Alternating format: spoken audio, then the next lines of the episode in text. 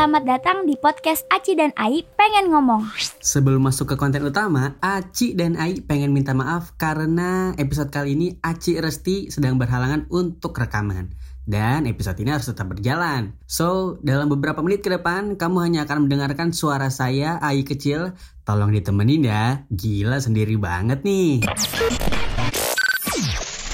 Saya mau ngucapin terima kasih karena sudah mendengarkan episode keempat. Sekali lagi teman-teman terima kasih karena bahan bakar kami adalah semakin banyak podcast yang didengarkan, semakin semangat juga kami untuk bikin episode-episode berikutnya. Karena di sini nih kebetulan ya, podcast pengen ngomong tuh nggak ada sponsor, nggak ada selipan iklan atau apa pun itu yang bertujuan memang mendapatkan uang. Itu kita nggak ada sama sekali. Kita emang bikin podcast ini satu kita pengen ngomong, kedua uh, kenapa nggak kita rekam gitu? Jadi ya harapannya siapa tahu dengan kita suka ngobrol ini kita suka ngomong banyak ini kita bisa menyampaikan informasi uh, mungkin juga edukasi bahkan kita juga bisa pengen menghibur teman-teman semua. Mungkin di saat waktu luang kali ya. Dan di episode kelima kali ini akan sedikit spesial karena persis sehari sebelum ini rekaman saya sempat lempar pertanyaan di Instagram apa ada negatif thought yang masih melekat di dirimu sampai sekarang apakah itu pencapaian mungkin kesusahan di pekerjaan atau hubungan keluarga atau apa momen terbahagia yang mungkin paling berkesan yang mungkin membuat nostalgia yang tidak pernah terlupakan sampai detik ini.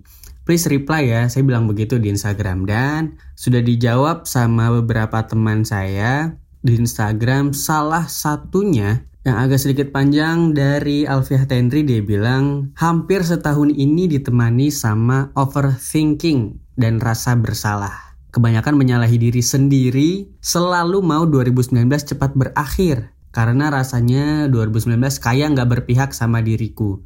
Lebih banyak gagalnya harapan ketemu dengan 2020 biar bisa ketemu hal yang baru, ada tahap yang harus mulai dari awal lagi. Doain ya, semoga berhasil.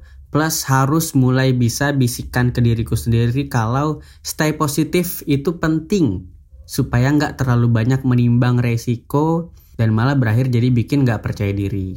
Ini masih panjang. Dia juga bilang karena baru sadar Ketika beberapa hari terakhir dia rindu sama dirinya sendiri yang selalu bisa semangati dirinya tanpa harus overthinking, tanpa harus memikirkan semua segala kemungkinan yang bisa jadi penghambat.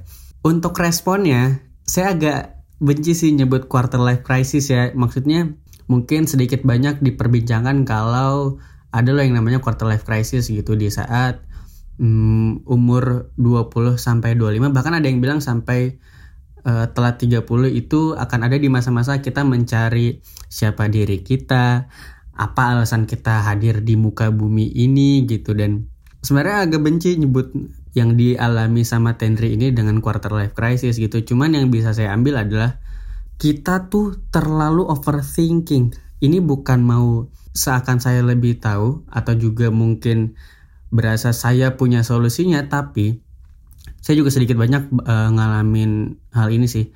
Satu overthinking itu persis seperti yang saya lempar sebelum saya eh yang saya lempar setelah saya menanyakan pertanyaan ada negatif thought atau momen bahagia nggak.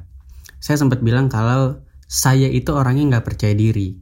Persis nggak percaya diri dalam hal contoh dalam dua tahun terakhir ini tuh saya sedang fokus belajar sesuatu ilmu saya Eh, perbanyak referensi, saya perluas relasi, juga saya kursus yang memerlukan banyak biaya segala macam kebutuhannya juga banyak. Tujuannya adalah untuk memperbanyak pemahaman soal lini ini gitu. Dan semakin saya belajar di tahun kedua ini, semakin saya ngerasa kayaknya saya nggak tahu apa-apa deh. Kenapa ya? Ini ada yang bisa bantu jawab nggak? Semakin kita pelajarin sesuatu hal, nggak tahu kenapa di waktu yang bersamaan semakin kita nggak ngerti atau kita makin ngerasa kita nggak tahu apa-apa gitu.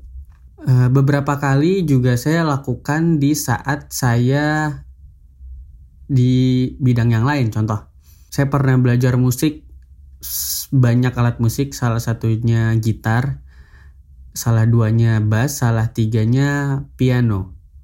Nah semakin saya belajar, semakin saya ngerasa kayak saya nggak tahu apa-apa deh. Itu kenapa ya? Ini tuh bukti kalau kita nggak percaya diri satu atau emang kita sadar diri. Agak bingung nih agak susah menjawab ini. Apakah kita satu nggak percaya diri? Kedua kita emang sadar diri gitu kalau memang kita nggak tahu banyak. Karena ya setiap ngeliat orang yang lebih sukses setiap ngeliat orang yang lebih jago kadang tuh ada perasaan kok dijago banget ya? Terus saya kapan jagonya? gitu. Kayak ada sadar diri ada nggak percaya dirinya juga sih. Cuma uh, kalau pengen ngerespon hal ini saya dulu adalah orang yang rapuh banget karena mungkin gak ada teman cerita. Sekarang ada teman cerita yaitu seorang istri yang tiap malam nemenin saya sebelum tidur. Kalau kita nyebutnya pillow talk ya. Orang-orang nyebutnya seperti itu. Ya kita sering membicarakan atau diskusi soal banyak hal gitu. Mulai dari yang remeh temeh sampai yang berat banget gitu. Ngalir aja gitu ngebahas apa pun. Salah satunya ini sempat bilang ke istri kalau eh by the way istri juga loh. Istri tuh eh, soal gambar menggambar ya dia tuh spesifik masih agak nggak percaya diri dengan semua pencapaiannya. Ini ya, istri itu satu memang suka ilustrasi, suka mengilustrasikan suatu hal, suka gambar suatu hal. Makanya saya support, eh, saya belikan alat, saya siapkan apa pun yang dia butuh gitu. Berikut juga support yang saya eh, berikan adalah dukung, eh, bukan support ya dukungan.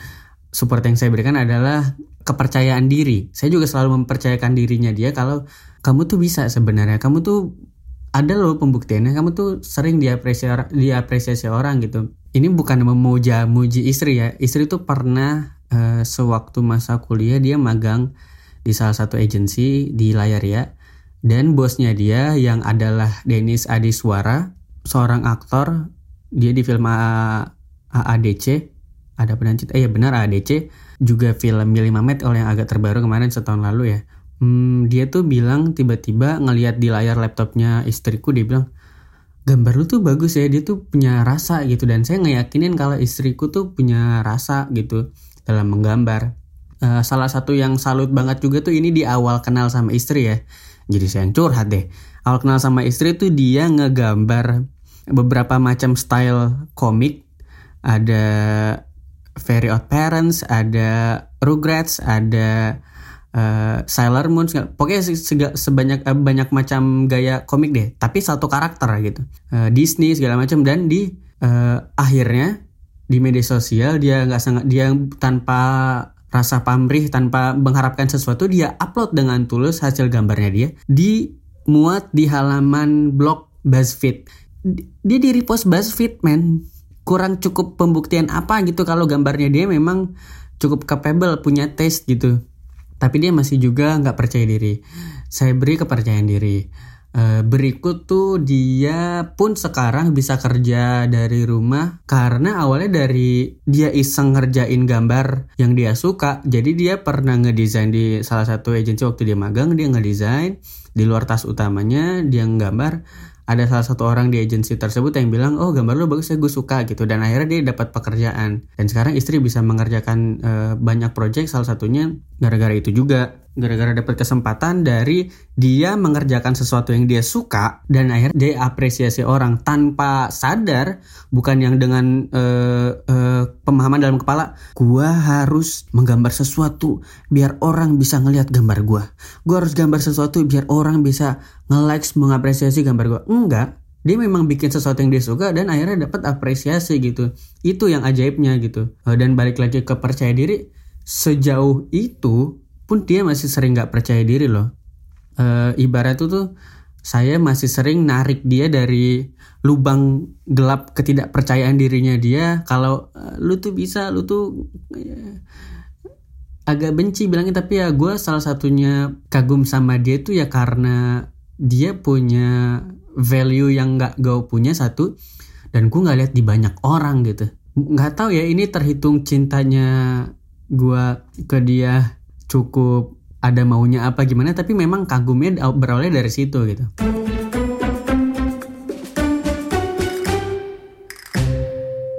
uh, ngomongin percaya diri, iya kurang lebih itu respon dari si Tenri dan kalau saya mau juga ikutan curhat kurang lebih sama sih nggak tahu ya apakah ini quarter life crisis jadi agak kepercayaan diri itu agak sulit ditemukan.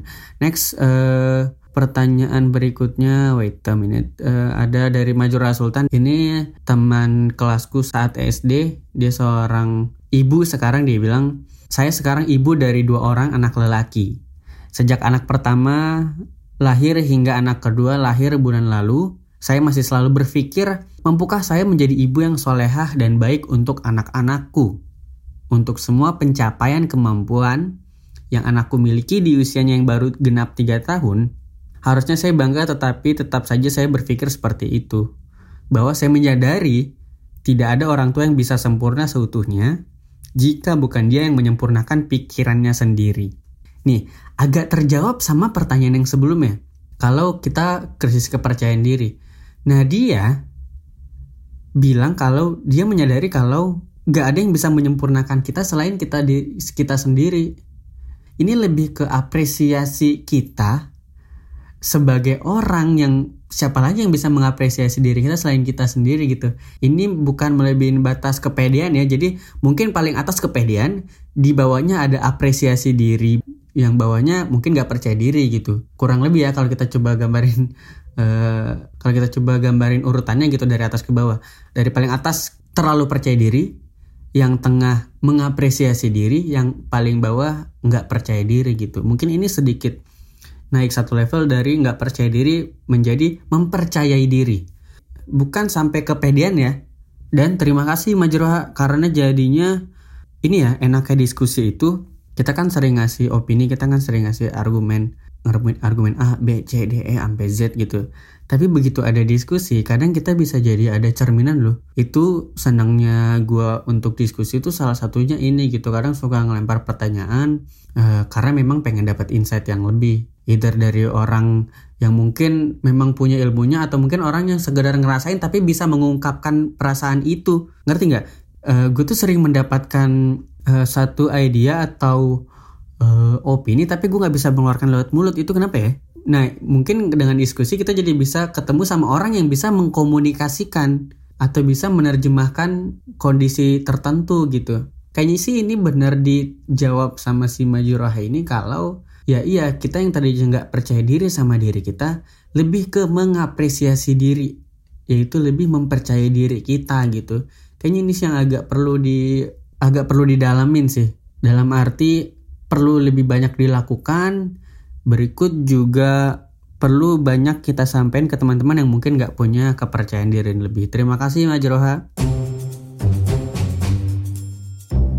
Berikut ada respon ketiga dari Helmi. Dia bilang, Bang, gue tuh lagi ngerasa antara beruntung sama keadaan yang gue insya Allah mau ibadah ke Tanah Suci. Tapi gue merasa diri gue tuh belum pantas buat ke sana. Mungkin ada banyak orang yang ingin ke sana sama gue juga pengen ke sana. Gimana ya bang? Kira-kira gue harus yakinin diri gue, gue harus ke sana. Gue nggak pernah ke tanah suci. Pertama, yang kedua untuk meyakinkan diri kalau ini adalah jalan yang terbaik ya, gue sedikit mau mengutip perkataan dari Gary Vaynerchuk. Dia pernah bilang kalau dia menolak dua kali ajakan temannya untuk investasi di Uber. Dia menolak dua kali ajakan temannya untuk investasi di Uber. Dalam arti memasukkan modal, yaitu duit, dan nanti duitnya akan diputar oleh Uber dan nanti dapat dividen segala macam lah, dapat persenan lah. Dan dia bilang itu adalah hal yang terbaik dia menolak ajakan untuk investasi di Uber itu. Karena dia nggak pernah mau menyalahkan sikap atau pilihan yang udah dia pilih. Saat itu dia menolak, dia bisa mengambil pesan kalau mungkin aja saat itu dia terima investasi Uber dan dia sekarang kaya raya, dan dia diundang di China dan di China bisa saja dia ditabrak mobil dan dia mati di situ. Ini jawaban Gary Vaynerchuk. Jadi yang bisa gue ambil adalah gue jadi bisa mencerminkan pesan dia di apa yang gue rasakan. Contoh, gue pernah memilih untuk uh, keluar dari perusahaan CT Corp uh, dalam hal ini Trans Studio. Trans lu tahu sendiri CT Corp itu sebesar apa punyanya Pak Hairul Tanjung. Gue memutuskan untuk keluar dari itu untuk pindah ke ibu kota karena gue uh, menikahi seorang wanita itu istri gue sekarang dan gue nggak memikirkan gue harus kerja di mana dulu ini. Gue nggak memikirkan. Tapi gue udah memilih untuk meninggalkan pekerjaan itu. Pekerjaan yang bisa jadi banyak diimpikan orang. Di saat orang nggak punya pekerjaan gue malah meninggalkan pekerjaan yang bisa saja jadi batu loncatan untuk gue mendapatkan pekerjaan yang lebih bagus di kemudian hari. Gue merasa ketika gue memilih sesuatu itu adalah hal yang terbaik yang bisa gue dapetin sama seperti Gary Vaynerchuk, kalau dia saat itu nggak menolak Uber, dia diundang ke China untuk talk show mungkin karena dia sebagai investor Uber dan dia uh, ngomong bla bla bla pas pulang dia ditabrak mobil. Bisa jadi itu pilihan yang dia ambil, tapi saat itu bukan itu yang dia ambil. Mungkin di mata kita ini bukan berarti gue tahu ya jawabannya yang terbaik buat lo, tapi gue berusaha uh, menerjemahkan apa aja yang udah dilakuin orang yang agak mirip gitu dengan contoh gue nggak tahu gue harus memilih apa tapi alam memilih gue untuk melakukan ini. Ini kan bisa dibilang bukan kemauan lo kan? Lu nggak mau ke tanah suci tapi lu dapat kesempatan bisa ke tanah suci kan? Iya kan? Jadi lu nolak itu gitu. Kalau gue bilangnya sih ya mestakung gitu semesta mendukung kalau lu untuk pergi ke tanah suci. Walaupun lu nggak memilih itu. Dan ya seperti tadi Gary Vaynerchuk mungkin dia harusnya memilih si Uber itu tapi karena dia nggak memilih akhirnya dia melewatkan kesempatan itu oh sorry dari tadi gue bilang dia menolak ya. Sebenarnya dia melewatkan kesempatan untuk diajak menjadi investor Uber. Dia bukan menolak dia melewatkan. Jadi agak beda nih kalau menolak kan gue nggak mau kalau melewatkan mungkin dia hold atau apa cuma akhirnya ya dia lewatin dia. Dari sekarang Uber sukses berat gitu. Gue sedikit banyak mungkin agak miripin sama kejadian itu sih. Gue pun ngerasa kalau mungkin gue melakukan hal-hal yang persis seperti kemauannya gue bukan yang seperti semesta mau mungkin gue nggak akan kayak sekarang sih. Bukan berarti gue sekarang hidupnya sukses banget ya. Gue sih ngerasa hidup gue sekarang bahagia banget. Walaupun uh, beberapa negatif thought yang kayak yang tadi gue bilang mungkin gue sering eh, nggak punya kepercayaan diri atau segala macam. Tapi kalau masalah kehidupan men lu bilang duit gue bahagia. Lu bilang gue punya istri gue bahagia. Lu bilang gue punya keluarga yang baik gue bahagia. Lu gue bilang gue punya teman yang banyak dan baik gue bahagia gitu. Jadi apa pun yang semesta dukung Menurut gue itu adalah hal yang terbaik. Ini masalah keyakinan sih.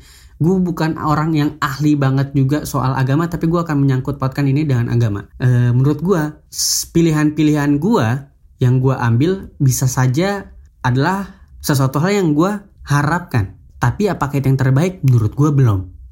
Sesuatu yang gue harapkan, tapi belum tentu itu yang terbaik. Karena gue nggak tahu ke belakangnya gue jadi apa gitu. Ini mungkin agak bias, tapi yang pengen gue sampein kayak tadi mungkin banyak pilihan yang akan uh, sesuai harapan gue ketika terjadi dan juga banyak pilihan yang gak sesuai sama harapan gue tapi itu pilihan semesta. Dalam hal ini gue meyakinkan ini pilihan yang maha kuasa. Seringkali kita berdoa gue pengennya A yang datang B. Gue pengennya B yang datang C. Gue selalu yakin apa pun yang dipilihin semesta itu adalah hal terbaik yang bisa kita dapetin. Lu bayangin ya ini gue akan tutup setelah ini pemahaman kita tentang kebahagiaan, tentang kesempurnaan segala macam itu mungkin ada di nomor 1 sampai 500. Ya kan? Tapi pemahaman Tuhan, men, itu tuh dia ada dari angka 1 500 tuh nggak ada apa-apanya. Dalam arti mungkin gue punya uh, harapan uh, ke A, tapi Tuhan lebih punya harapan buat gue yang terbaik bukan cuman A tapi B, C, D sampai Z ke belakang yang mungkin impactnya paling jauh adalah memang bisa membahagiakan gue sebenar-benarnya bahagia. Thanks God teknologi bisa memudahkan ini semua. Gue gak perlu datang ke kota gue sendiri misalnya di Makassar. Saya itu orang Makassar kaca maksudnya tidak perlu jak pulang begitu dulu untuk sapa ke semua temanku yang di weh weh weh gitu weh apa kabar kok peluk pelukan apa segala macam gitu.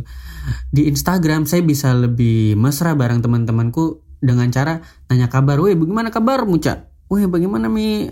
Apa sekarang kesibukan? Begitu ya gitu.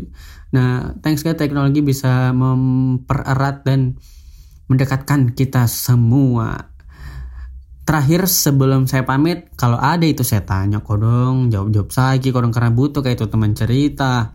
Kan ada yang saya bisa ceritakan sama istriku ada juga yang saya bisa pengen receh-recehan ketawa keti sama kalian semua gitu. Apa saya mau kok ya kurang lebih itu mi episode kelima.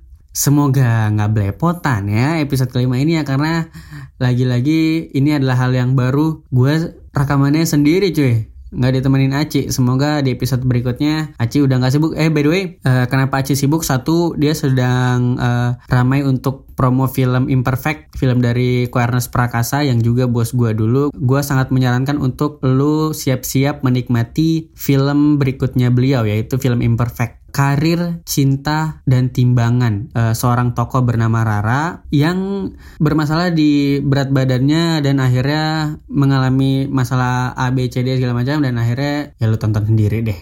Lo kalau melihat trailernya silahkan ada film Imperfect di YouTube udah tersedia tuh. Gila lu. Masa teman-teman gue nggak ada yang tahu ya Quernes Prakasa nih. Berikut Aci juga sibuk mengurus kedai kopinya yang sebentar lagi berjalan gitu. Dia lagi kejar tayang supaya kedai kopinya bisa segera memberikan kebahagiaan buat orang-orang sekitar kampus Meruya.